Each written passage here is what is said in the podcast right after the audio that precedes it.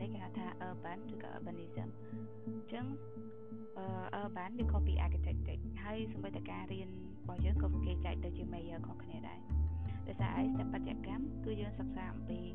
លំហមួយដែលវាមានភ្ជាប់ជាមួយនឹង landscape នៅជុំវិញវាប៉ុន្តែនគរូបនីយកម្មវាខុសគ្នាតែដោយសារវាត្រូវមានអគារលើសពីមួយហើយទូនីតិរបស់អគារហ្នឹងគឺខុសគ្នាទៀតអញ្ចឹងយើងធ្វើមិនដើម្បីឲ្យអគារច្រើន វាអាចភ្ជាប់ទៅដល់ landscape រួមមួយហើយ landscape ហ្នឹងវានឹងប្រែក្លាយទៅជា the space in between អគារទាំងអស់ហ្នឹងអញ្ចឹងវាជារឿងមួយចាំបាច់ដែលយើងត្រូវតែសិក្សាអំពី urbanism ដើម្បីយើងអាច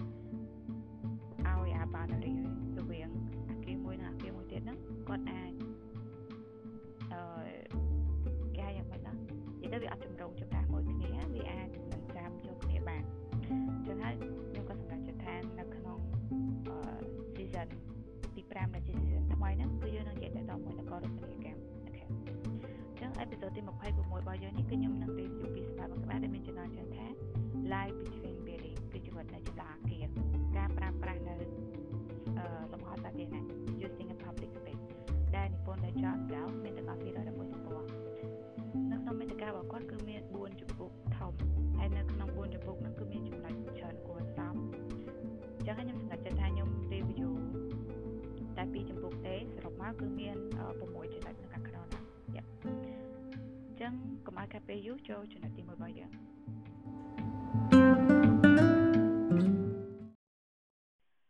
ចឹងមកដល់ចំណុចទី1របស់យើងគឺ3ប្រភេទនៃសកម្មភាពនៅខាងក្រៅ outdoor activity អញ្ចឹងគេមកឲ្យយើងស្គាល់អ្វីទៅគេហៅថា outdoor activity វាអាចជាសកម្មភាពដូចពេលយើងជិះកង់ទៅរៀនយើងទៅផ្សារ យើងដើរហាត់ប្រាណឬក៏យើងទៅអង្គុយនៅតាមសួនច្បារសាធារណៈជាសកម្មភាពទាំងអស់ហ្នឹងសិតតែអាចរួមបញ្ចូលថាជា outdoor activity ជាសកម្មភាពដែលវាកើតមាននៅខាងក្រៅយកចឹងសកម្មភាពដែលកើតមាននៅខាងក្រៅហ្នឹងវាគិតមកគឺវាមាន3ប្រភេទទី1គេហៅថា necessary activity ជាសកម្មភាពដែលចាំបាច់គឺយើងត្រូវតែធ្វើនៅក្នុងជីវិតរស់នៅរបស់យើងដូចយើងត្រូវទៅរៀនទៅធ្វើការទៅមន្ទីរពេទ្យឬក៏រឿងអីដែលវាចាំបាច់អញ្ចឹង ចង់បានន័យថាទោះជាផ្លូវដែលយើងត្រូវប្រើហ្នឹងវាស្រួលឬក៏មិនស្រួលគឺយើងនៅតែត្រូវទៅតែដែរលុះត្រាតែនៅក្នុងលក្ខខណ្ឌដែលវាអាចគម្រាមកំហែងដល់ជីវិតរបស់យើងបានយើងអត់ទៅយ៉ាប់អញ្ចឹងអាសកម្មភាពទាំងអស់ដែលយើងចាំបាច់ត្រូវធ្វើហ្នឹងគេហៅថា necessary activity ប្រភេទទី2គេហៅថា optional activity ជាសកម្មភាពដែលទៅក៏បានអត់ក៏បានយ៉ាប់អញ្ចឹងសកម្មភាពបែបហ្នឹងវាអាចជា សកម្មភាពដែលយើងចេញទៅក្រៅដូចគ្នាប៉ុន្តែយើងអត់មានគោលដៅទេថាយើងនឹងចេញក្រៅធ្វើអីគេឧទាហរណ៍ថាខ្ញុំចេញនៅថ្ងៃនេះខ្ញុំទៅក្រៅញ៉ាំអីប៉ុន្តែយើងអត់សម្រេចចិត្តទេថាយើងនឹងញ៉ាំអីគេហើយញ៉ាំនៅណាចឹងយើងគាត់តែជីទៅសិនជីជីទៅស្រាប់តែអូយើងឃើញហាងនោះដូចតំណងដែរមានមនុស្សច្រើនអីចឹងយើងក៏ចូលទៅញ៉ាំទៅអញ្ចឹងតកតងជាមួយនឹង optional activity នេះគឺវាមានទំនាក់ទំនងខ្លាំងជាមួយនឹង physical environment អឺវាអាចជានេះហាជាទីតាំងហ្នឹងវាតេទៀងឬក៏អត់ ទី3គេហៅថា social activity អឺពពួក social activity វាក្តោបសកម្មភាពពីខាងលើសកម្មភាពចាំបាច់ផងនិងសកម្មភាពធ្វើក្បាលអត់ក្បាលផងអឺចំណុចបន្តមកទៀតក្រៅពីយើងដឹងអំពីប្រភេទនៃ outdoor activity ហ្នឹងហើយគឺគេឲ្យយើងស្គាល់អំពីតំណែងតំណងរវាង outdoor activity ជាមួយនឹង physical environment ដូចខ្ញុំនិយាយពីខាងលើមិញហ្នឹង physical environment វាអាចជាទីតាំងវាអាចជា លំហសាធារណៈមួយ ដែលគេត្រូវបានគេរៀបចំឡើងអញ្ចឹងគេនឹងសិក្សាទៅលើគុណភាពរបស់វាថាអា quality នៃ physical environment ហ្នឹងវាវា like វា poor វា on ឬក៏វា good ឬក៏វាល្អអញ្ចឹងយើងទៅមើលតំណែងតំណងបើសិនបើវាជា necessary activity តកតងជាមួយនឹងគុណភាពនៃ physical environment គឺវាអត់សូវខុសគ្នាម៉ានេះទោះគុណភាពអន់ឬក៏គុណភាពល្អគឺយើងនឹងទៅទៅទៅស កម្មភាពនៅកើតឡើងធម្មតា ប៉ុន្តែសារៈ optional activity អត់ទេ physical environment quality កាន់តែល្អសកម្មភាពនឹងការឡើងកាន់តែច្រើន social វិញគឺក្តោបសកម្មភាពពីរខាងលើអញ្ចឹងគឺបើសិនបើ physical environment វាល្អសកម្មភាពក៏រៀងកើតច្រើនដែរដោយសារវាក្តោប optional activity នៅខាងក្នុងហ្នឹងណាហើយតួ necessary ក៏យើងនឹងពេញចិត្តនៅក្នុងការប្រើ high physical environment ដែរដោយសារយើងស្រួលប្រើវាផ្ដល់សុវត្ថិភាពឲ្យយើងគឺយើងពេញចិត្តក្នុងការប្រើតែគាត់ថាអឺបើសិនបើយើងប្រៀបធៀបទៅក៏វាមិនសូវខុសគ្នាប៉ុន្មានដែររវាង physical environment on ហើយនិងល្អហ្នឹងសម្រាប់ social activity យ៉ាហើយនៅក្នុងចំណុចហ្នឹងដែរក៏គេបានដកស្រង់ពីការសិក្សាជីវិតនៅលើផ្លូវជីវិតនៅលើផ្លូវនេះគឺមិនមានន័យថាយើងអត់មានតែនៅតែដេកតាមចិញ្ចើមថ្នល់ហ្នឹងមិនមែនមានន័យចឹងទេវាអាចជាការជិះកង់ជិះម៉ូតូ ឬក៏ការដើរហាត់ប្រាណតាមដងផ្លូវការអង្គុយនៅតាមបង់អីផ្សេងផ្សេងទាំងអស់ហ្នឹងគេហៅថា street life គឺគេបានសិក្សាទៅលើ street life នៅ Melbourne ឃើញថាបើសិនបើយើងចំណាយពេលនៅខាងក្រៅច្រើនអឺនោះយើងក៏មានឱកាសក្នុងការជួបស្គាល់ឬក៏តំណែងតំណងជាមួយនឹងអឺអ្នកដតីដែរ Yeah it makes sense តែយើងចេញក្រៅច្រើនគឺយើងនឹងជួបអ្នកដតីច្រើនដូចគ្នា មកដល់ចំណុចទី2គឺ life between building ជីវិតនៅចន្លោះអគារចឹងជាដំបូងគឺយើងនឹងមកសិក្សាតកតងជាមួយនឹងទម្រង់នៃការតំណាក់តំណងព្រោះអីអឺទម្រង់នៃការតំណាក់តំណងនេះគេនឹងប្រាប់យើងអំពីកម្រិត degree គឺគិតចាប់ពី low intensity ទៅដល់ high intensity នៅក្នុងលក្ខណៈជា5 form ការតំណាក់តំណងអញ្ចឹង low intensity មានន័យថាការជា passive contact ឬក៏គេឲ្យឈ្មោះម្យ៉ាងទៀតថា see and hear contact មានន័យថាការឃើញឬក៏ការឮតំណាក់តំណងការឃើញនិងការឮអញ្ចឹង passive contact ហ្នឹងចង់បានន័យថាម៉េចមានន័យថាយើងអត់មានស្គាល់គេទេយើងគាត់តែអង្គុយនៅលើបង់ហ្នឹងហើយគេទៅអង្គុយនៅបង់ដែលជាប់យើងហ្នឹងតែពេលគេទៅចែកគ្នាទៅយើងឮអាហ្នឹងគេហៅ passive contact មានន័យថាគឺយើងអត់មានទៅនិយាយតំណែងមួយគេទេគឺយើងឮដល់ប្រយោឬក៏ឃើញដល់ប្រយោអាហ្នឹងជា passive contact ហើយ low intensity ទៅពេលរៀងខ្ពស់ជាងអាហ្នឹងតិចគេហៅថា chain contact មានន័យថាការតកតងដោយដោយដោយចែកដន្យឬក៏ដោយ chain ណាដោយអឺ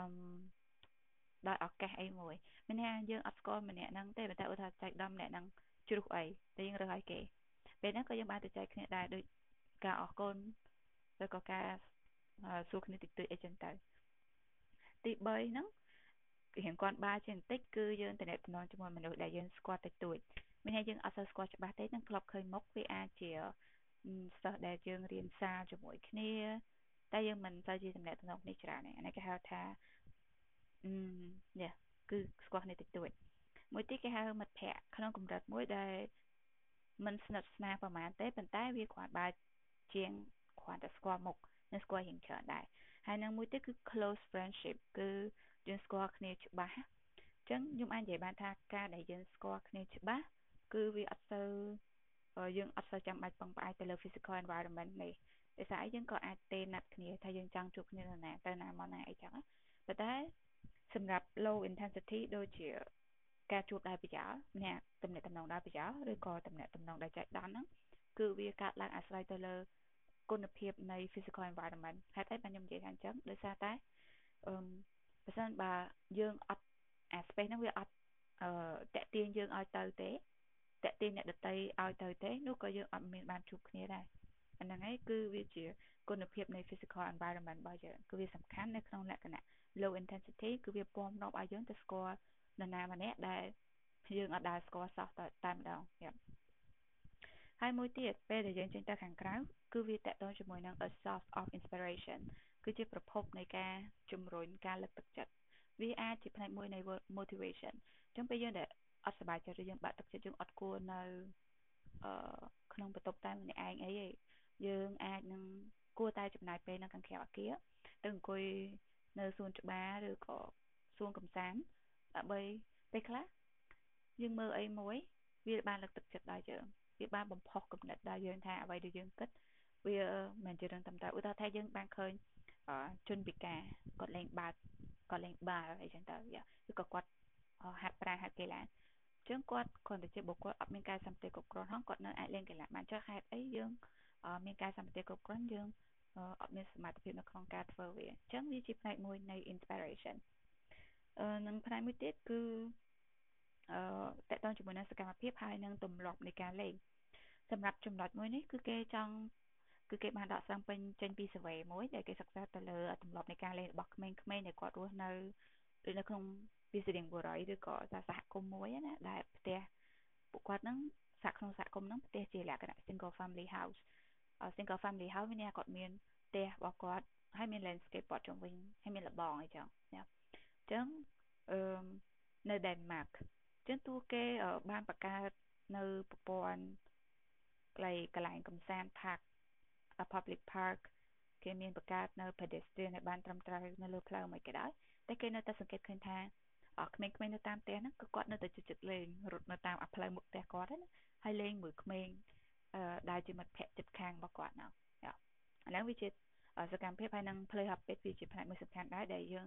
រៀងពិបាកនៅក្នុងការ change ទម្លាប់របស់គាត់ដូរទៅកន្លែងថ្មីមួយទៀតហើយមួយទៀតគឺសកម្មភាពនៃ តកតងជាមួយនឹងការអង្គុយ sitting preference ដូចជាការដាក់បង់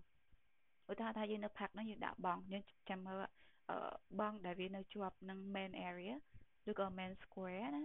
ដែលវា suppose កម្មភាពកាក់ឡើងបង់ហ្នឹងគឺមនុស្សពេញតែម្ដងតែសម្រាប់បង់ដែលវានៅរៀងកន្លែងដែលស្ងាត់ quiet atmosphere ហ្នឹងក៏អត់សូវមានអ្នកអង្គុយដែរឬក៏បងលក្ខណៈអញ្ចេះអឺគឺយើងគឺយើងដាក់ ទិសដៅបបង orientation ហ្នឹងអត់បែរទៅខាងផ្លូវដែរតែបែរមកខាងសួនច្បារកន្លែងដាំផ្កាស្កាត់អីវិញអញ្ចឹងគាត់អាចនឹងប្រើអាបងបែរមកទិសអឺយើងដាំដើមឈើរុក្ខជាតិហ្នឹងមែនប៉ុន្តែគាត់អាចនឹងប្រើអត្តាអ្វីដែលយើងធ្វើឲ្យម្នាក់ពេលយើងបើកបង់ទៅហ្នឹងយើងគួរតែដាក់ជើងទៅខាងហ្នឹងហើយតែអត់ទេគាត់ដាក់គាត់បើកផ្ទុយមកវិញមានន័យថាគាត់អឺអត់ប្រើទៅតាមអ្វីដែលគេដាក់ឲ្យគាត់ប្រើបញ្ជ្រះមកវិញ យ៉ាប់អានេះគាត់យើងអាចនិយាយថាម៉េចអឺ they will use in a non traditional way មានថាគាត់អត់ប្រើបង់ហ្នឹងទៅតាមអឺអឺតលាប់ទេប្រើខុសពីហ្នឹងវិញអឺមួយទៀតគឺតកតងជាមួយនឹងភាពតេទៀងនៅតាមដងផ្លូវផ្លូវដើរយ៉ា pedestrian street ហើយនិយាយតកតងជាមួយនឹងផ្លូវឡានផ្លូវម៉ូតូទេគឺផ្លូវដើរ អញ្ចឹងគេឃើញថា គឺគេបានសិក្សាអំពី public space មួយដែលអឺ public space ហ្នឹងវាអាចមានធនាគារតូ ATM កន្លែងលក់អីវ៉ាន់លក់អីវ៉ាន់កូនក្មេងលក់អីញ៉ាំអីចឹងទៅហើយនឹង space ដែលអ្នកពីខាងក្រៅហ្នឹងគាត់អាចមកសម្ដែងសកម្មភាពផ្សេងៗដូចជាការច្រៀងការរាំឬក៏លេងតន្ត្រីអីជាដើមហ្នឹងណា គេសង្កេតឃើញថាមិនសូវមានមនុស្សច្រើនទេដែលគាត់នឹងត្រូវឈប់អឺនៅតាមគេថានៅនៅមុខធនាគារនៅអីគឺស្ងាត់ជឿតែម្ដងតែបើនៅកន្លែងមួយចំនួនដូចជាកន្លែងញ៉ាំអីកន្លែងលក់របស់ក្មេងលេងអាចមានមនុស្សគួរសមដែរប៉ុន្តែអត់ច្រើនដល់កន្លែងដែលមនុស្សមានការសម្ដែងទេចឹងនៅក្នុងត្រង់ចំណុចហ្នឹងយើងអាច summary ឡើងវិញបានសម្រាប់ចំណុចទី2របស់យើងគឺថា people attract people មនុស្សគាត់តេទេមនុស្សកន្លែងណាដែលមានមនុស្សច្រើនមនុស្សមនុស្សផ្សេងដែលមកក្រោយហ្នឹងគេនឹងទៅរកកន្លែងដូចគ្នាទោះអការ contact ហ្នឹងជាលក្ខណៈ contact ទៅមកតំណតំណងទៅមកឬក៏តំណតំណង one way contact ក៏នៅតែមានមនុស្សច្រើនទៅដែរយ៉ាប់មកដល់ចំណុចទី3គឺតកតងជាមួយនឹងសកម្មភាពនៅខាងក្រៅហើយនិងគុណភាពនៃលំហខាងក្រៅឬក៏លំហសាធារណៈ ចឹងនៅក្នុងនេះគឺគេឲ្យយើងឃើញពីសេណារីយ៉ូ2ទី1ជាប្រភេទទីក្រុងដែលច្រើនជាន់អាចជា multi story ឬក៏ high rise building ហើយតទៅអាគារគាត់មានច្រើនជាន់អញ្ចឹងគាត់មានកន្លែងចតឡាននៅជាន់ក្រោមដីហើយជាប្រភេទដែលផ្លូវត្រូវបានរចនាដើម្បីឲ្យគ្រឿងយន្តធ្វើដំណើរដូចជារថយន្តឬក៏តូចក្រយានយន្តឬក៏ត្រីចក្រយានយន្តធ្វើដំណើរ អញ្ចឹងទៅឃើញថាកន្លែងដែលគាត់ស្នាក់នៅ ទៅកន្លែងដែលគាត់ធ្វើការឬក៏ចម្ងាយពីអាគារប្រភេទ like មុខនេះអាគារមួយទៅមុខនេះអាគារមួយទៀតអាចថា long distance ស្រាប់តែគាត់ត្រូវប្រើប្រាស់នៅរថយន្តសម្រាប់ទៅហើយតកតងជាមួយនឹងផ្លូវដើរវិញគឺវាអត់សូវសម្បូរបែបឬក៏អាចនិយាយថាអត់មានតែម្ដងហើយអញ្ចឹងទៅវាធ្វើឲ្យអាសកម្មភាពនៅខាងក្រៅឬក៏លំហ សាធារណៈហ្នឹងវាអន់ទៅតាមហ្នឹងដែរអញ្ចឹងប្រជាជនដែលរស់នៅទីក្រុងបែបហ្នឹងគឺគាត់ចូលចិត្តឲ្យចំណាយពេលច្រើននៅខាងក្នុងអាគារជាងចេញទៅក្រៅអញ្ចឹងយើងអាចនិយាយថា uh, lie in between building ហ្នឹងឬក៏ lie between building គឺអត់មានយ៉ា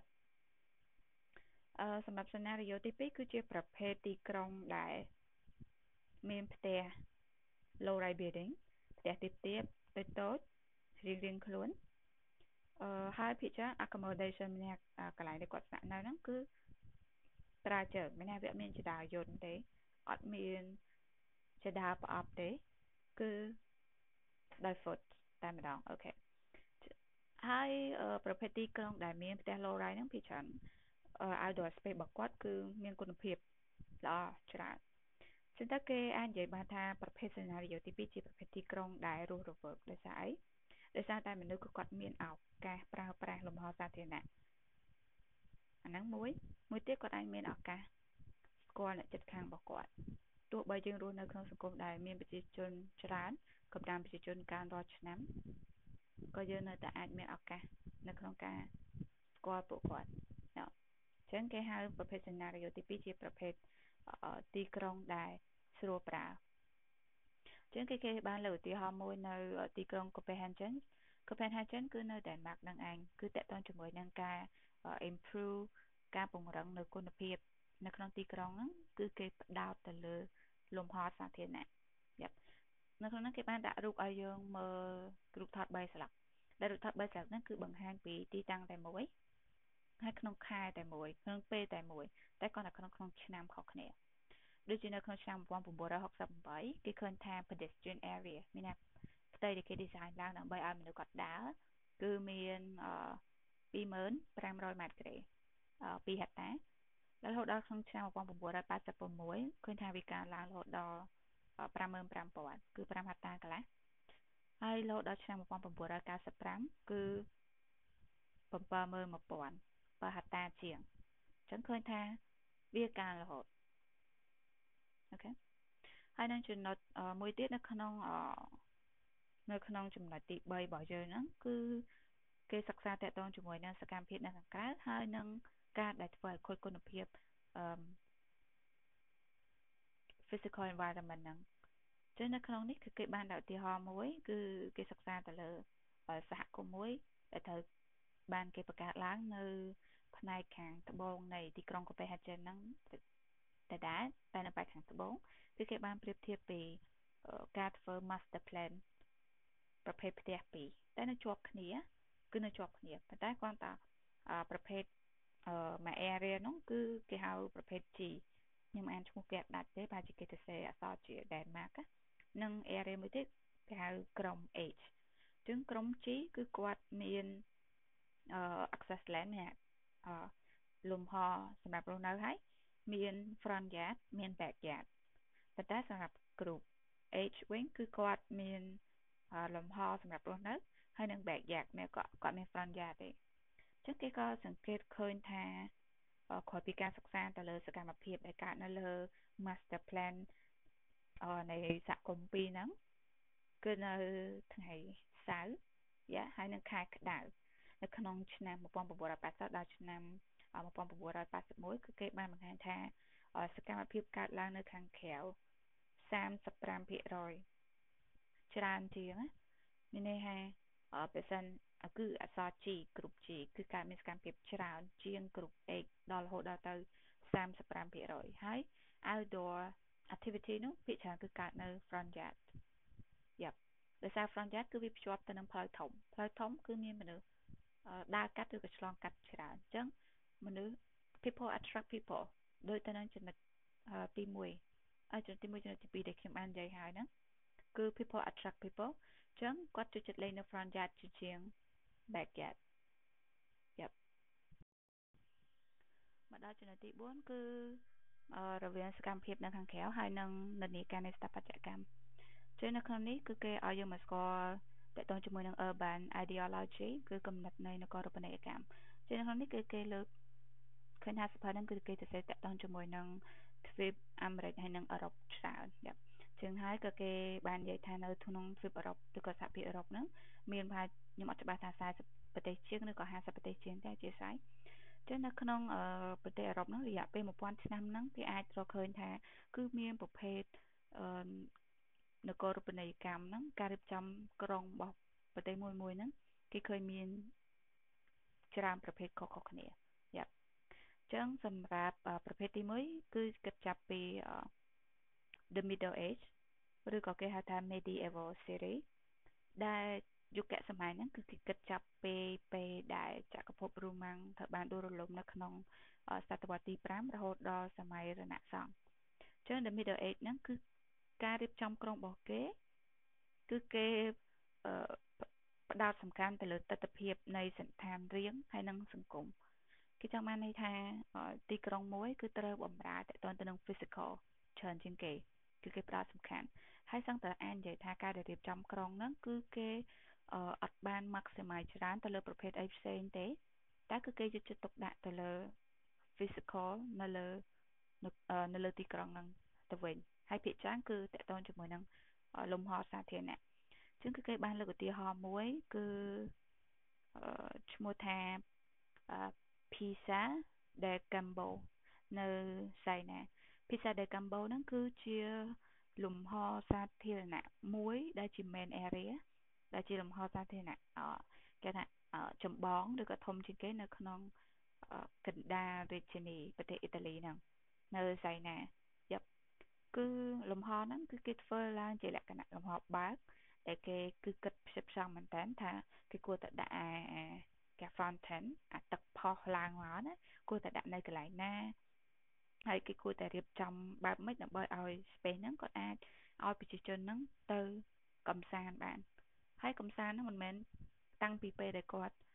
ធ្វើហ្នឹងទេមកដល់បច្ចុប្បន្ន space ហ្នឹងនៅតែគេប្រើប្រាស់បែបហ្នឹងទៅដែរជំនាញថាគឺគេ focus ច្រើនទៅលើ physical and social aspect ដល់សម័យទី2ហ្នឹងគេហៅថាសម័យរណសង្ឃអញ្ចឹងការដែលគេរៀបចំក្រុងនៅសម័យរណសង្ឃហ្នឹងគឺគេផ្ដោតសំខាន់ទៅលើ visual aspect គឺទស្សនវិជ្ជានៃការមើលឃើញច្រើនគឺគិតចាប់ពីសតវត្សទី14រហូតដល់សតវត្សទី17អញ្ចឹងទីក្រុងគឺវាមិនមែនគ្រាន់តែជាបំរើទៅលើ physical របស់មនុស្សទេប៉ុន្តែគឺជាផ្នែកមួយសំខាន់នៃសិល្បៈដោយសារឆ្នាំរណសង្ឃហ្នឹងគឺជាឆ្នាំដែលគេចាប់ផ្ដើមគិតគូរតទៅទៅនឹង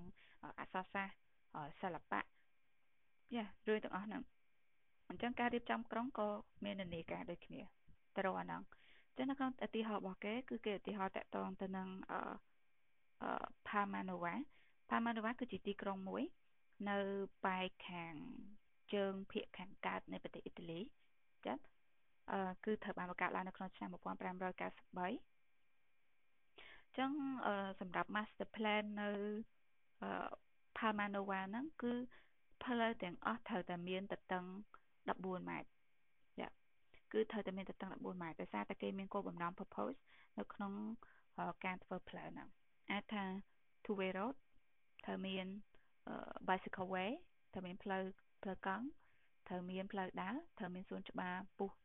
ចំទ្រុងផ្លូវអីចឹងទៅចឹងបើសិនបើយើងប្រៀបធៀបការរៀបចំក្រុងនៅសម័យរណសង្ឃជាមួយនឹងការរៀបចំក្រុងនៅ medieval ហ្នឹង គឺរៀងរៀងខុសគ្នាយ៉ាអឺមកដល់ប្រភេទសម័យទី3គេហៅថា functionalism functionalism នេះគឺគេគិតគូរខ្លាំងទៅលើទស្សនវិជ្ជានៃមុខងារសរីរវិទ្យាគេហៅថា the uh, the physiological functional aspect គឺចាប់ពីសតវត្សទី19ដល់សតវត្សទី20អញ្ចឹងអឺ សម្រាប់នៅក្នុងសម័យនោះដែរការដែលគេរៀបចំក្រុងហ្នឹងគឺថាគឺគេជាសម័យមួយដែលគេបង្ហាញអំពីតំណែងរវាង physical ហើយនិង functional មានន័យថាអាចថា form follow function ឬក៏ function follow form យ៉ាអឺហឺអូចឹងបានន័យថាអឺប្រភេទអាគារមួយនៅពេលដែលយើងរៀបចំក្រុងយើងយើងមានប្រភេទ make use building ច្រើន វាមាន function អាគារក៏ច្រើនអញ្ចឹងប្រហែលជាវាអាចតកតងជាមួយនឹង shape របស់អាគារហ្នឹងដែលជាផ្នែកបន្ថែមតទៅទៅនឹងសភនភាព នៅក្នុងសម័យ functionalism ហ្នឹងហើយនឹងផ្នែកចំណុចសំខាន់មួយទៀតនៅក្នុងសម័យហ្នឹងដែរនៃការរៀបចំក្រុងគឺលំហ dwelling ណាលំហដែលអាចរស់នៅបាន គឺត្រូវតែមានថ្ងៃមានពន្លឺខ្យល់ព្រះអាទិត្យ គ្រប់គ្រាន់យ៉ាជាពិសេសគឺអបរិបទលំនៅឋាន គួរតែមានគេហៅថា unnatural element ហ្នឹងហូរចូលទៅក្នុងលំហបានអញ្ចឹងយើងអាចទៅមើលឧទាហរណ៍តកតទៅនឹងការរៀបចំក្រុងមួយដែលនិពន្ធដោយលោកលើកូភេដែលមានចំណងជើងថា concerning town planning ចឹងនៅក្នុងការរៀបចំក្រុងរបស់លោកលើកូភេហ្នឹងគឺឃើញថាទី1គឺ នៅលើ public space ណាលំហសាធារណៈដូចជាផ្លូវដូចជា square ហ្នឹងចាប់ផ្ដើមអត់សូវមានទេ start to disappear យ៉ាចឹងមានន័យថាអាអាអាអាលំហរួមរបស់គាត់ហ្នឹងគឺលែងនៅជាសាធារណៈពេកហើយគឺគេយកវាមកដាក់ចូលនៅក្នុងអាគារនេះអឺនៅក្នុងអឺ building មួយវាត្រូវតែមាន share space វិញវាអាចជាអញ្ចឹងយ៉ាហើយ ដូចជាផ្លូវឬក៏ square ហ្នឹងត្រូវបានជំនួសដោយលក្ខណៈ road road វាទូចជាង street ណា path ក៏វាទូចជាង road ទៀតអាចដូចផ្លូវឌឿងហែមផ្លូវអីចឹងគឺយ៉ាប់សបោហើយមកដល់សម័យទី4ដែលគេហៅថា the late modern គឺចាប់ពីសតវត្សទី20ក្នុងរហូតមកដល់បច្ចុប្បន្នហ្នឹងគឺការដែលការរៀបចំក្រុងរបស់គេគឺគេបានបង្កើតគេហៅថាច្បាប់ឬក៏ building code ដូចជានៅចិនគឺគេមាន building code របស់គេសម្រាប់ apply ទៅលើប្រភេទអគារផ្សេងៗដូចអឺអគារលំនៅឋានគេគួរតែដាក់ corridor កម្រិតប៉ុណ្ណាបើសិនបើយើងធ្វើ high rise building នឹងត្រូវមានអា evacuation stair អាជាដើរកិច្ចអគិភ័យណាគួរតែសាងសង់បែបម៉េចបើកទ្វារចេញនៅក៏បើកទ្វារចូលនិយាយទៅអាហ្នឹងគេហៅថា building code ឬក៏ building regulation ចឹងនៅតាមប្រទេសមួយមួយអា building code ហ្នឹងក៏វាខុសគ្នាទៅតាមហ្នឹងដែរព្រោះការដែលគេបង្កើត building code គឺទី1ដើម្បីផ្ដល់សុវត្ថិភាពទី2ផ្ដល់ភាពស្រួលប្រើ comfort ហើយទី3ក៏វាតកតងជាមួយនឹងសេដ្ឋកិច្ចគឺការប្រើប្រាស់អស់លុយតិចដូចថា corridor របស់យើងតែ2ម៉ែត្រក៏ប្រើបានតែហាចាំបាច់អីយើងធ្វើដល់3ម៉ែត្រឃើញអញ្ចឹងទៅវាទៅជាអត់សូវមានប្រយោជន៍វិញហើយមួយទៀតតកតងជាមួយនឹង green space លំហបៃតងឬក៏ពាក់ព័ន្ធជាមួយនឹង sustainability design ជាដើមហើយនឹងចំណុចមួយទៀតគឺតកតងជាមួយនឹងអឺតកតងជាមួយនឹងចរាចរណ៍ឬក៏ transportation transportation វារត់តែជឿនលឿន modern ដូចជាយើងមានរថភ្លើងរថភ្លើងនោះមានរថភ្លើងច្រើនប្រភេទទៀតរថភ្លើងលឿនលឿនរថ ភ្លើងលើដីរថភ្លើងក្រោមដីរថភ្លើងប្រើខ្សែកាបកាត្រាំអីមិនទេនោះហើយនឹងឡានគ្រប់ប្រភេទផ្សេងផ្សេងជួយយើងឃើញថាអឺគឺយើងអាច achieve បានប្រភេទ low rise building ដែលយើងធ្វើវានៅជាយក្រុងទៅតែកន្លែងការងារអាចនៅកណ្ដាលក្រុងហ្នឹងយើងជិះអា public transportation ហ្នឹងមកយប់ចឹងឃើញថាអាគេថា automobile automobile ហ្នឹងគឺវាកើនឡើងច្រើនហើយយើងក៏អាចសង្កេតមើលបានដូចជានៅ Scandinavia Scandinavia គឺគេក្តោបប្រទេសមួយចំនួននៅ ផ្នែកខាងជើងនៃទ្វីបអឺរ៉ុបដូចជា Denmark Norway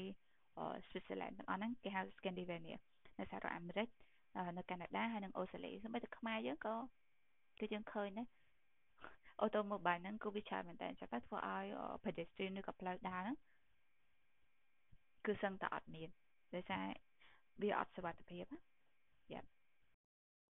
អូខេហើយមកដល់ចំណុចទី5របស់យើងតកតងជាមួយនឹង process and project សម្រាប់ process and project នេះគឺចំណុចទី5និងទី6គឺវានៅក្នុង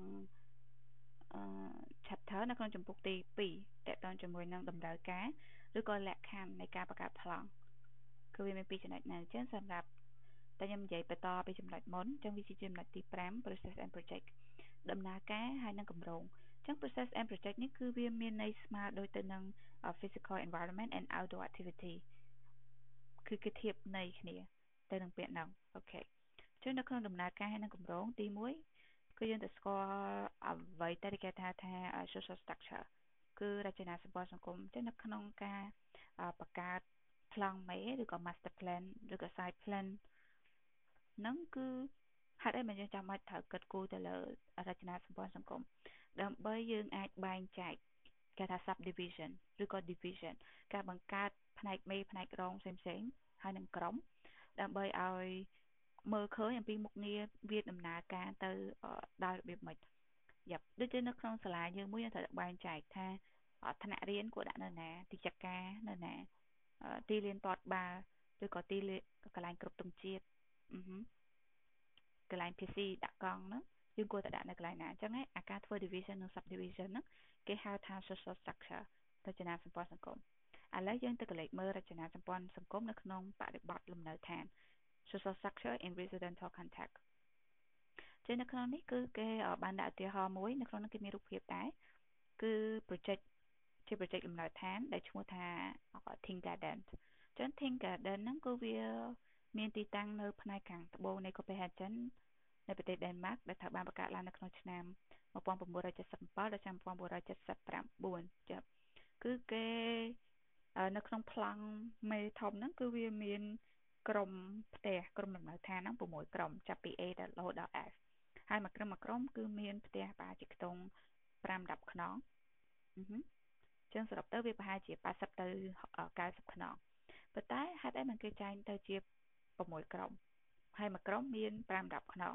ចឹង5 10ខ្នងគេរៀបជាដាក់នៅជុំវិញដូចដាក់នៅតាម boundary ចឹងចឹងអាកដាហ្នឹងគាត់មានអាគេហៅថា common space ឬក៏ common square គឺយើង share garden ហើយនៅចំកណ្ដាលហ្នឹងហើយកន្លែងដែល share ហ្នឹងមិនមែនតែ garden ហ្នឹងទេគឺយើងមានអា community center មជ្ឈមណ្ឌលសហគមន៍ហ្នឹងរួមគ្នាមួយទៀតប៉ុន្តែគាត់ថា community center ហ្នឹងគឺគេដាក់វាគៀកជាប់ទៅនឹងផ្លូវធំយ៉ាប់ហើយផ្ទះហ្នឹងគឺគេដាក់ទៅខាង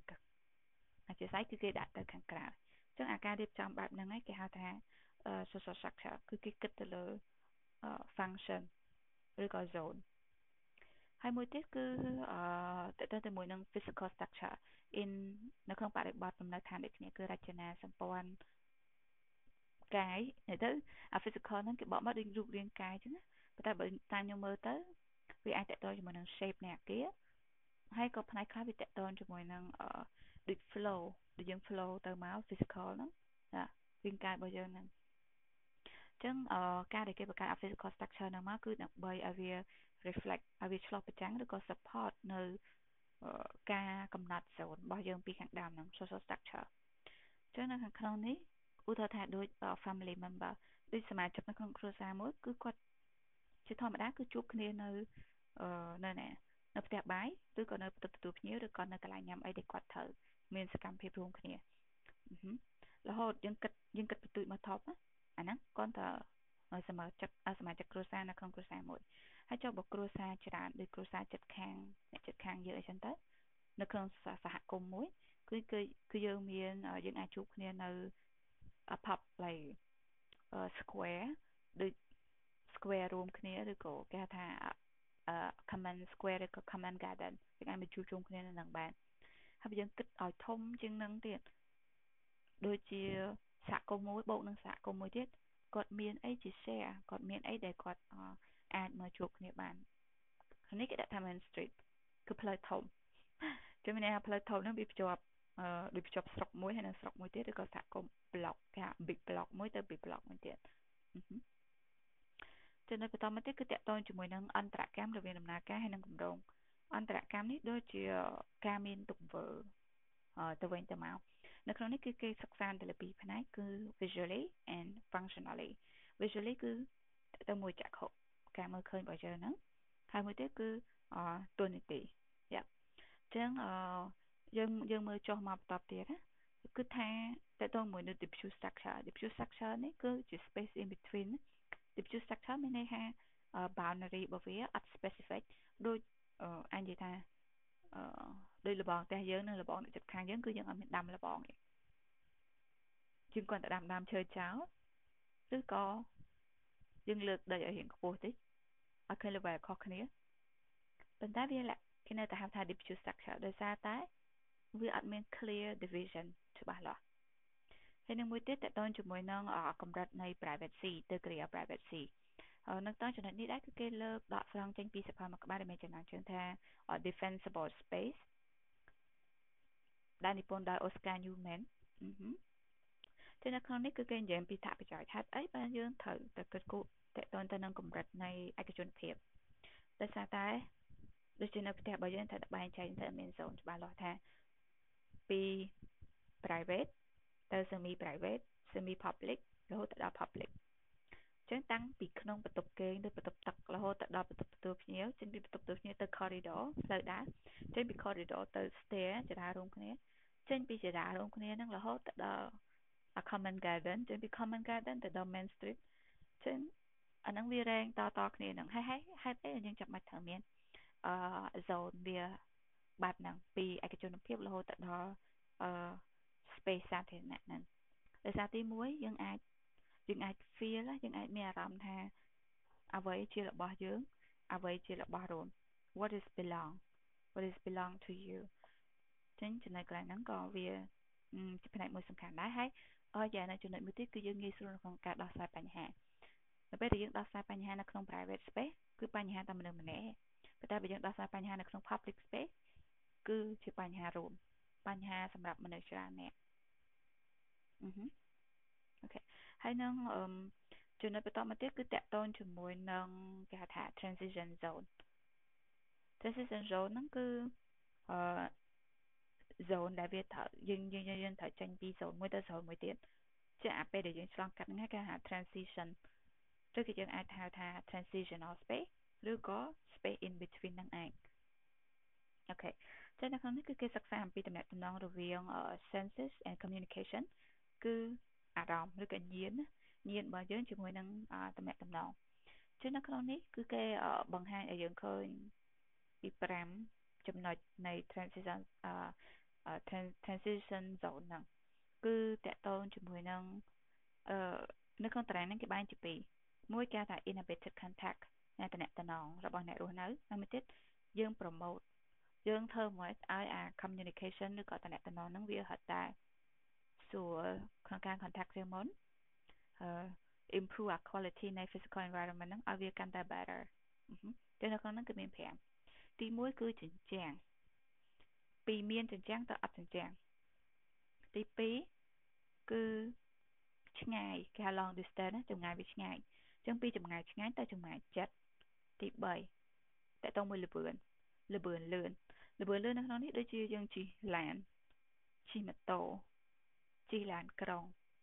ជិះរថភ្លើងក៏វាលឿនណាទោះយើងអាចឃើញរូបភាពខាងក្រៅប៉ុន្តែយើងអត់ទាន់កើនស្រួយដោយសារដោយសារអា timing of experience ណា អារយៈពេលដែលយើងនឹងទទួលបានបទពិសោធន៍ហ្នឹងវាអត់គ្រប់វាខ្លីពេកយើងគាត់តែឃើញតែយើងអត់មានអារម្មណ៍អីទេហើយយើងក៏អត់បានរៀនសូត្រអីពីវាដែរអញ្ចឹងពីលបឿនលឿនទៅលបឿនយឺតទី4គឺតកតមួយ level ដោយសារ level ហ្នឹងវាខ្ពស់ពេកដល់សម័យបច្ចុប្បន្ននេះគេមានស្ទើរ high ride building ចឹងអ្នកដែលគាត់នៅ level មួយគ្នាគាត់មានឱកាសក្នុងការឃើញគ្នាតែបើមួយនៅជាន់ទី2មួយនៅជាន់ទី10សឹងថាអត់មានឱកាសស្គាល់គ្នាអញ្ចឹងពី level ច្រើនមក level តែមួយនិងទី5គេហៅថាទិសដៅ orientation ពី back to back មានន័យគាត់បែរខ្នងដាក់គ្នាមកបែរមុខចូលគ្នាវិញពី back to back orientation ទៅ face to face orientation មកដល់ចំណុចទី6ដែលជាចំណុចចុងក្រោយគឺយើងនឹងនិយាយតកតងជាមួយនឹង3ញៀនរបស់យើង ការតំណែងតំណងហើយនិងវិមាត្រ senses communication and dimension អឺអញ្ចឹងពីដំបូងគឺយើងមកស្គាល់នេះសិនគេហៅថា sensory apparatus sensory apparatus ហ្នឹងគឺញៀនដែលវាអាចចាប់ព័ត៌មានបានណានៅក្នុងដែលវាបែរទៅមុខហើយនៅលើទិសដេកមានទិសដែលបែរទៅខាងមុខហើយនឹងទិសដេកព្រោះអីដូចយើងមិនងាយនឹងទទួលបានព័ត៌មានពីខាងក្រោយខ្នងរបស់យើងទេលុះត្រាតែតិចរបស់យើងឬទៅក្រោយប៉ុន្តែព័ត៌មានដែលយើងទទួលបានច្រើនជាងគេក្នុងពេល តកតងរវាងកាយវិញ្ញាណទាំង5ហ្នឹងរវាងកាយវិញ្ញាណហ្នឹងគឺផ្នែកជាផ្នែកមួយដែលទទួលព័ត៌មានច្រើនជាងគេអញ្ចឹងតើយើងបែកហើយយើងអឺទទួលព័ត៌មានពីខាងក្រោយបានតែនៅក្នុងនេះគឺព័ត៌មានភាគច្រើនយើងទទួលបានគឺនៅខាងមុខយើងហើយនឹងនៅលើទិសដេកគេហៅ horizontal and frontal អញ្ចឹងធម្មជាតិរបស់មនុស្សវាជាធម្មជាតិរបស់មនុស្សដែល គាត់អាចមានល្បឿនពេលដែលគាត់ដើរហ្នឹងមានល្បឿនប្រហែលជាខ្ទង់5គីឡូម៉ែត្រនៅក្នុង1ម៉ោងអញ្ចឹងការដែលអកាយវិញ្ញាណរបស់គាត់អាចចាប់ព័ត៌មានបាន គឺនៅក្នុងលក្ខខណ្ឌ5គីឡូម៉ែត្រក្នុង1ម៉ោងហ្នឹងគឺល្អហើយជាទូទៅ នៅពេលដែលបតិទៅមួយការមើលវិញគឺយើងមើលនៅលើទិសដេកហ្នឹងគឺរត់តែឆ្ងាយយើងអាចមើលព័ត៌មាន ដែលនៅផ្នែកខាងលើផ្នែករបស់យើង10 degree ឬនៅខាងក្រោមផ្នែកយើង10 degree ហ្នឹងគឺយើងអាចមើលបានតែបើរត់តែចិត្តព័ត៌មានខាងលើឬខាងក្រោមហ្នឹងគឺយើងអត់សូវបានចាប់អារម្មណ៍ទេវាគ្រាន់ជាផ្នែកមួយនៃជាយផ្នែករបស់យើងណាដូចចុងផ្នែករបស់យើងអូខេ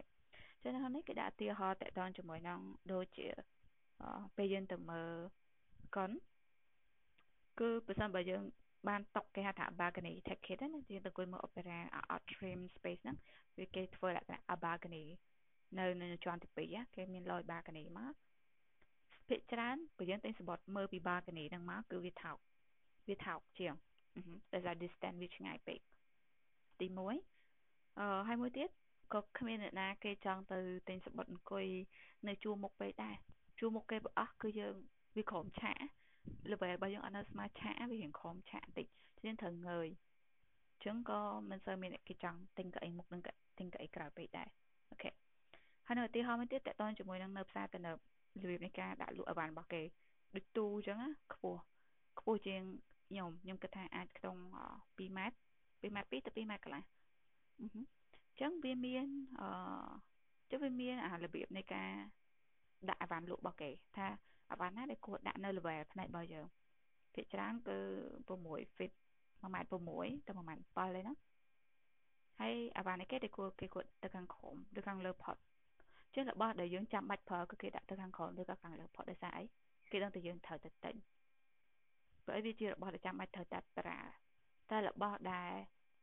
ចេញមកថ្មីឬក៏របស់ដែលបន្ទាប់បន្សំគឺគេពិចារណាដាក់នៅ level របស់យើងដើម្បីអីវាខាត់ជាមួយអាយ ហើយគេហៅថា dimension ឬក៏វិមាត្រហ្នឹងគឺវាមើលទៅសមណាបើតែយើងដាក់ខ្ពស់ពេកយើងអត់សូវឃើញពី beauty ពីភាពស្រស់ស្អាតរបស់វាទេអញ្ចឹងផុតពីចំណុចទូទៅហ្នឹងមកអឺដូចបាត់នៅចំណុចមួយអូខេ wait a minute អូខេអូខេអញ្ចឹងបន្ទាប់ពីចំណុចហ្នឹងមកគឺទាក់ទងជាមួយនឹងអឺញាណ ញាណគឺវាមានពីរប្រភេទគេហៅថា distant receptor ហើយមួយទៀត immediate receptor គឺញាណដែលទទួលពីចម្ងាយនិងញាណទទួលភ្លាមភ្លាមហើយដកដល់ហ្មងមកយើងដឹង okay អញ្ចឹងយោងតាមសភៅមួយក្បាលដែលមានចំណងជើងថា hidden dimension គឺនិពន្ធដោយនរវិជ្ជាម្នាក់គាត់មានឈ្មោះថា Edwin T Hall គឺគាត់បានបែងចែកនៅអាញៀនទទួលដឹងហ្នឹងទៅជាពីរប្រភេទមួយគេហៅថា distant receptor ញៀនដែលទទួលពីចម្ងាយមានដូចជាភ្នែកត្រចៀកហើយនិងច្រមុះរបស់យើង ហើយញៀនដែលទទួលតតដល់តែម្ដងហ្នឹងដូចជាស្បែកសាច់ដុំហើយនិងភ្ញះអញ្ចឹងនៅក្នុងនេះគឺគេរៀបរាប់គេអត់រៀបរាប់តកតងជាមួយនឹង immediate receptor ទេគេឲ្យយើងមកស្គាល់អំពី distant receptor មាន3អញ្ចឹងគេនឹងនិយាយពីច្រមុះមកមុនអាខ្លីជាងគេវា distant មែនតែក្នុងរយៈចំណាយរៀងខ្លីអញ្ចឹងគេហៅតកតងមួយក្លិនច្រមុះរបស់យើងអញ្ចឹងច្រមុះរបស់យើងវាមិនតែជាសាំញ៉ាំទេវាមានតែគេបែងទៅទៅជា3កម្រិតទេអឺកម្រិតទី1គឺវាទៀបវាទឹកជា1ម៉ែត្រទឹកជា1ម៉ែត្រទៅ1ម៉ែត្រគឺយើងអាចនឹងធំក្លិនជាលក្ខណៈក្លិនខ្លួនក្លិនសក់ឬក៏ក្លិនខោអាវក្លិនដែលស្រាលស្រាលមែនតើហើយនឹងទី2គឺនៅចន្លោះពី2ទៅ3ម៉ែត្រ2ទៅ3ម៉ែត្រនេះយើងអាចស្រង់ក្លិនបានហើយជាលក្ខណៈក្លិនទឹកអប់វាមិនស្រាលពេកទេវាមធ្យម ហើយនឹងមួយទៀតគឺវាពេលដែលវាលើសពី3ម៉ែត្រទៅ គឺព្រោះតាតែក្លិនហ្នឹងវាខ្លាំងតែយើងអាចធំក្លិនបានអញ្ចឹងផុតពីចំមុខមកគឺតិចការលើអញ្ចឹងការលើនេះក៏អត់សូវ complicated បានដែរប៉ុន្តែវាអាចបានឆ្ងាយជាជាងក្លិនអញ្ចឹងអឺខ្ញុំនឹងនិយាយពី distance ខ្លីរហូតមកដល់វែងផុតអញ្ចឹងនៅចន្លោះ7ម៉ែត្រចន្លោះ7ម៉ែត្រគឺតិចយើងអាចលឺហើយឬអាចឮគេនិយាយហើយក៏អាចស្ដាប់បានថាគេនិយាយពីអីដែរគេថា acquire effective ក្នុងចន្លោះ7ម៉ែត្រនឹងតិចរបស់យើងអញ្ចឹងអឺទៅដល់ប្រហែលជា35ម៉ែត្រ35ម៉ែត្រគឺយើងអាចនៅទៅលើដែរដូចនៅក្នុងថ្នាក់រៀននៅមហាវិទ្យាល័យគឺគេធ្វើអីរៀងថ្នាក់ថ្នាក់ថ្នាក់ ចឹងទៅដល់ក្រៅ35ម៉ែត្រហ្នឹងយើងនៅតែអាចលើគ្រូរបស់យើងនិយាយបានយើងអាចនៅបង្កើតសំណួរចម្លើយ question and answer រវាងគ្រូហើយនិងសិស្សប៉ុន្តែវាអត់អាចកើតឡើងជាលក្ខណៈ property like proper conversation ទេដោយសារអីអាហ្នឹងតើយើងយកទុកដាក់មែនតើហើយយើងក៏រៀងប្រើសំឡេងរៀងធ្ងន់ដែររៀងលឺដែរទៅលឺហើយមួយទៀតគឺវាឆ្ងាយជាង35ម៉ែត្រឆ្ងាយជាង35ម៉ែត្រគឺ ត្រចៀករបស់យើងដើរតួរៀងអឺអត់ទៅល្អទេវារៀងវារៀងពិបាកស្ដាប់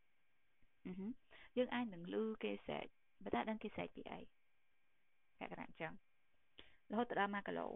1គីឡូម៉ែត្រគឺឡើងលឺហើយលុះត្រាជាសំឡេង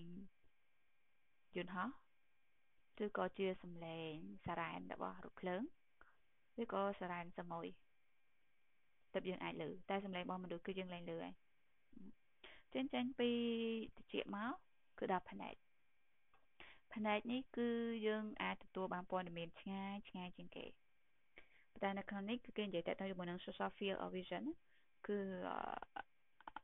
ដែនគេថាដែនសង្គមដែលចក្ខុវិស័យអាចដែលចក្ខុរបស់យើងអាចមើលទៅដល់គឺពីខ្ទង់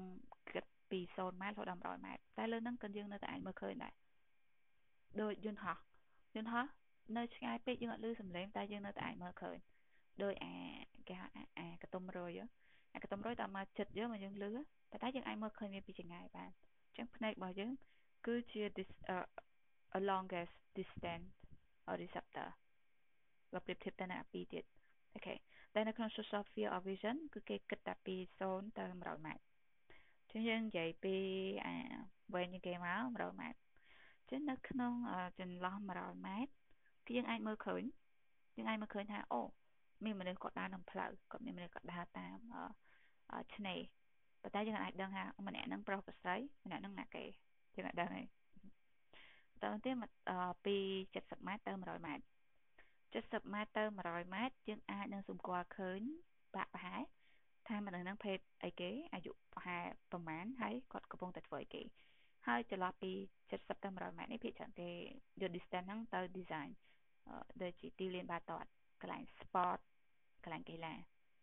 35ម៉ែត្រ35ម៉ែត្រយើងអាចនឹងឃើញម្នាក់នឹងទម្រង់មុខបែបម៉េចសក់ម៉ូតសក់ម៉េចអាយុពិតប្រកបទាំងអាចទីរត់តែច្បាស់ណា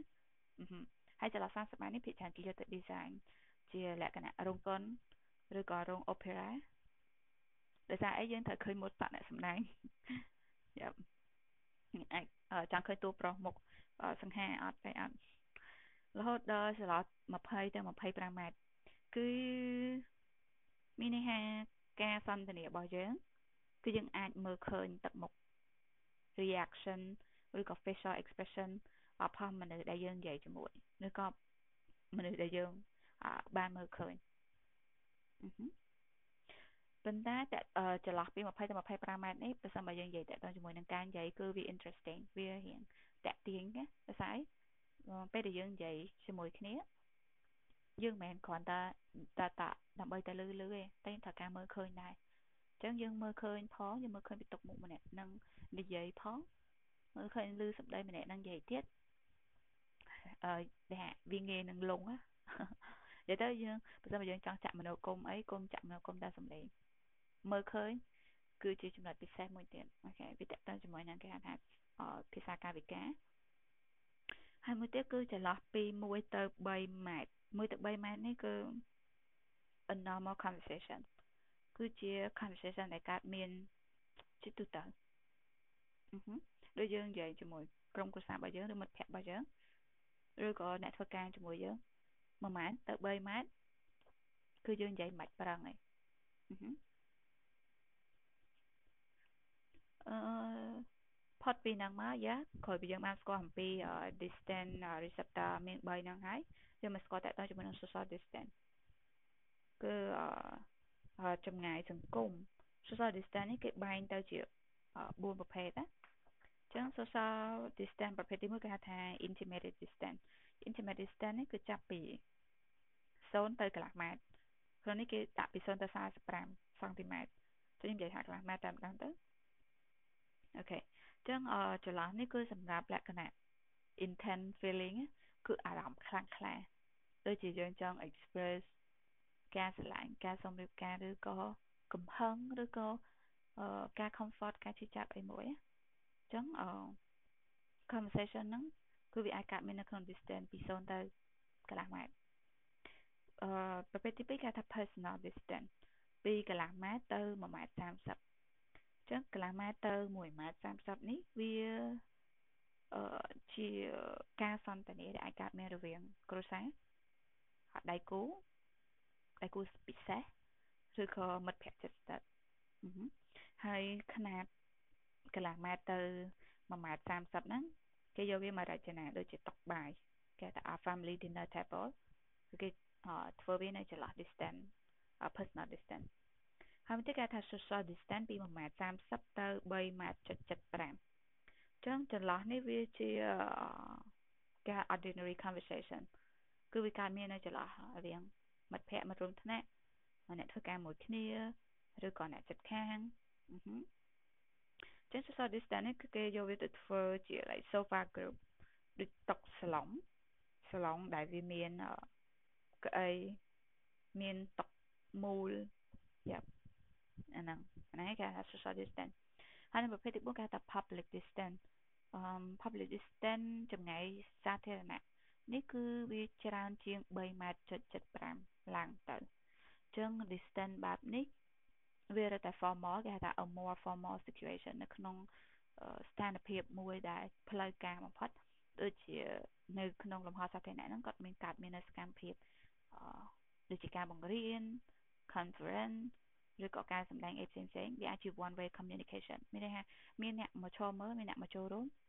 ប៉ុន្តែគាត់អត់មានចូលរួមបញ្ចេញយោបល់មតិអីទេគាត់តែមកមើលអញ្ចឹងភាគច្រើនគឺគេដាក់ដាក់ distance នៅចន្លោះ3.75ម៉ែត្រនោះយើងនឹង feel comfortable ជាមួយនឹង public distance ហើយនឹងចំណុចចុងក្រោយមួយទៀតតកតងជាមួយនឹង a time to experience យើងអាចទទួលបានបទពិសោធន៍បាន គឺលុះត្រាតែនៅក្នុងរយៈពេលសមរម្យណាមួយសមរម្យដែលយើងអាចទទួលយកបានខ្លួនយើងអ្នកខ្លះក្នុងពេលខ្លីគឺក៏គាត់អាចទទួលបាន តែអ្នកខ្លះតរយៈពេលវែងគឺក៏អាចទទួលបានចឹងនៅក្នុងនេះគេ compare រវាងទីក្រុងពីរទីក្រុងមួយគេហៅថា automobile series scale គឺជាទីក្រុងគេហៅថាຂະຫນាតຂະຫນាតទីក្រុងរថយន្ត automobile និងការប្រើប្រាស់រថយន្ត public transportation ច្រើននៅនៅ infrastructure ហើយមួយទៀតគេហៅថាទីក្រុងដើរទីក្រុងនៃការដើរថ្មើរជើងគេហៅ pedestrian city scale អញ្ចឹងតើតើជាមួយនឹង time to experience ទីក្រុង automobile គឺគាត់ត្រូវការប្រើផ្លាកប៉ាណូឬក៏ផ្លាកសញ្ញាធំធំធំធំហើយអាចថាសរសេរជាអក្សរធំទៀតមិនមែនរូបនឹងធំទេរូបនឹងធំហើយអក្សរនឹងសរសេរជាអក្សរធំទៀត ដើម្បីឲ្យស្រួលមើលគាត់ជិះលឿនពេកចឹងអក្សរទូចក៏គាត់អត់ចាប់អារម្មណ៍ទេហើយអាគារក៏ហត់ទៅធំហើយការគេហៅថា detail ហ្នឹងលែងសូវមានទេភាសាអីយើងជិះឡានជាម៉ូតូយើងអត់មានចាប់អារម្មណ៍មួយ detail យើងចាប់អារម្មណ៍តែតែ shape របស់អាគារហើយនៅមួយទៀតតកតងជាមួយនឹង fish អអាទឹកមុខបញ្ចេញរបស់មនុស្សដែលគាត់បញ្ចេញមកហ្នឹងគឺលែងសូវមានគេចាប់អារម្មណ៍គឺ គឺគេមើលឃើញតិចបំផុតចឹងសម្រាប់ pedestrian series scale វិញផ្ទុយគឺផ្ទុយពី automobile series ដោយសារទីក្រុងឬក៏ការរស់នៅឬក៏ជីវិតដែលកើតមាននៅក្នុងទីក្រុងហ្នឹងគឺដោយការធ្វើដំណើរដោយការថ្មើរជើងចឹងអ្វីៗទាំងអស់វាស្ថិតនៅក្នុង detail low speed យើងដកដង្ហើមក៏មួយមួយយើងមើលក៏មួយមួយយើងទទួលអារម្មណ៍ឬក៏បទពិសោធន៍ហ្នឹងក៏វាក្នុងស្ថានភាព slow motion ដែរអញ្ចឹង detail គឺចាំបាច់ចាំបាច់ខ្លាំងនៅក្នុងនៅក្នុង pedestrian series scale អូខេចឹងខ្ញុំគិតថាវាគឺខ្ញុំមានតែ6ចំណុចហ្នឹងទេដែលខ្ញុំ review នៅក្នុងសភៅមួយនេះតែប៉ុន្តែវាមាននៅមានចំណុចផ្សេងផ្សេងទៀត interesting ច្រើនដែរដូចជាការរៀបចំប្លង់វាមាននៅខាងក្រោមក្រោមទៀតនៅក្នុងចំពុកទី3និងចំពុកទី4ណាប៉ុន្តែ ខ្ញុំអត់ចង់ review វាវែងពេកទេបើសិនបើយើង interesting យើងអាចចូលមកបន្ថែមខ្លួនឯងទៀតបានដោយសារខ្ញុំអាននេះវាគ្រាន់តែខ្ញុំចង់វាមិនមែនជាជំនាញរបស់ខ្ញុំទេតែយើងត្រូវតែស្គាល់យើងត្រូវតែស្គាល់ដែរព្រោះយើងក៏ជាផ្នែកមួយនៃនគររូបនីយកម្មគឺការធ្វើអគាររបស់យើងហ្នឹងបើសិនបើយើងអត់យល់ពី urbanism ពីនគររូបនីយកម្មទេវារៀងរៀងពិបាកនិយាយគ្នាវារៀងចម្រងចម្រាស់អញ្ចឹងខ្ញុំសន្និដ្ឋានថាចាប់តែប៉ុណ្ណឹង okay bye bye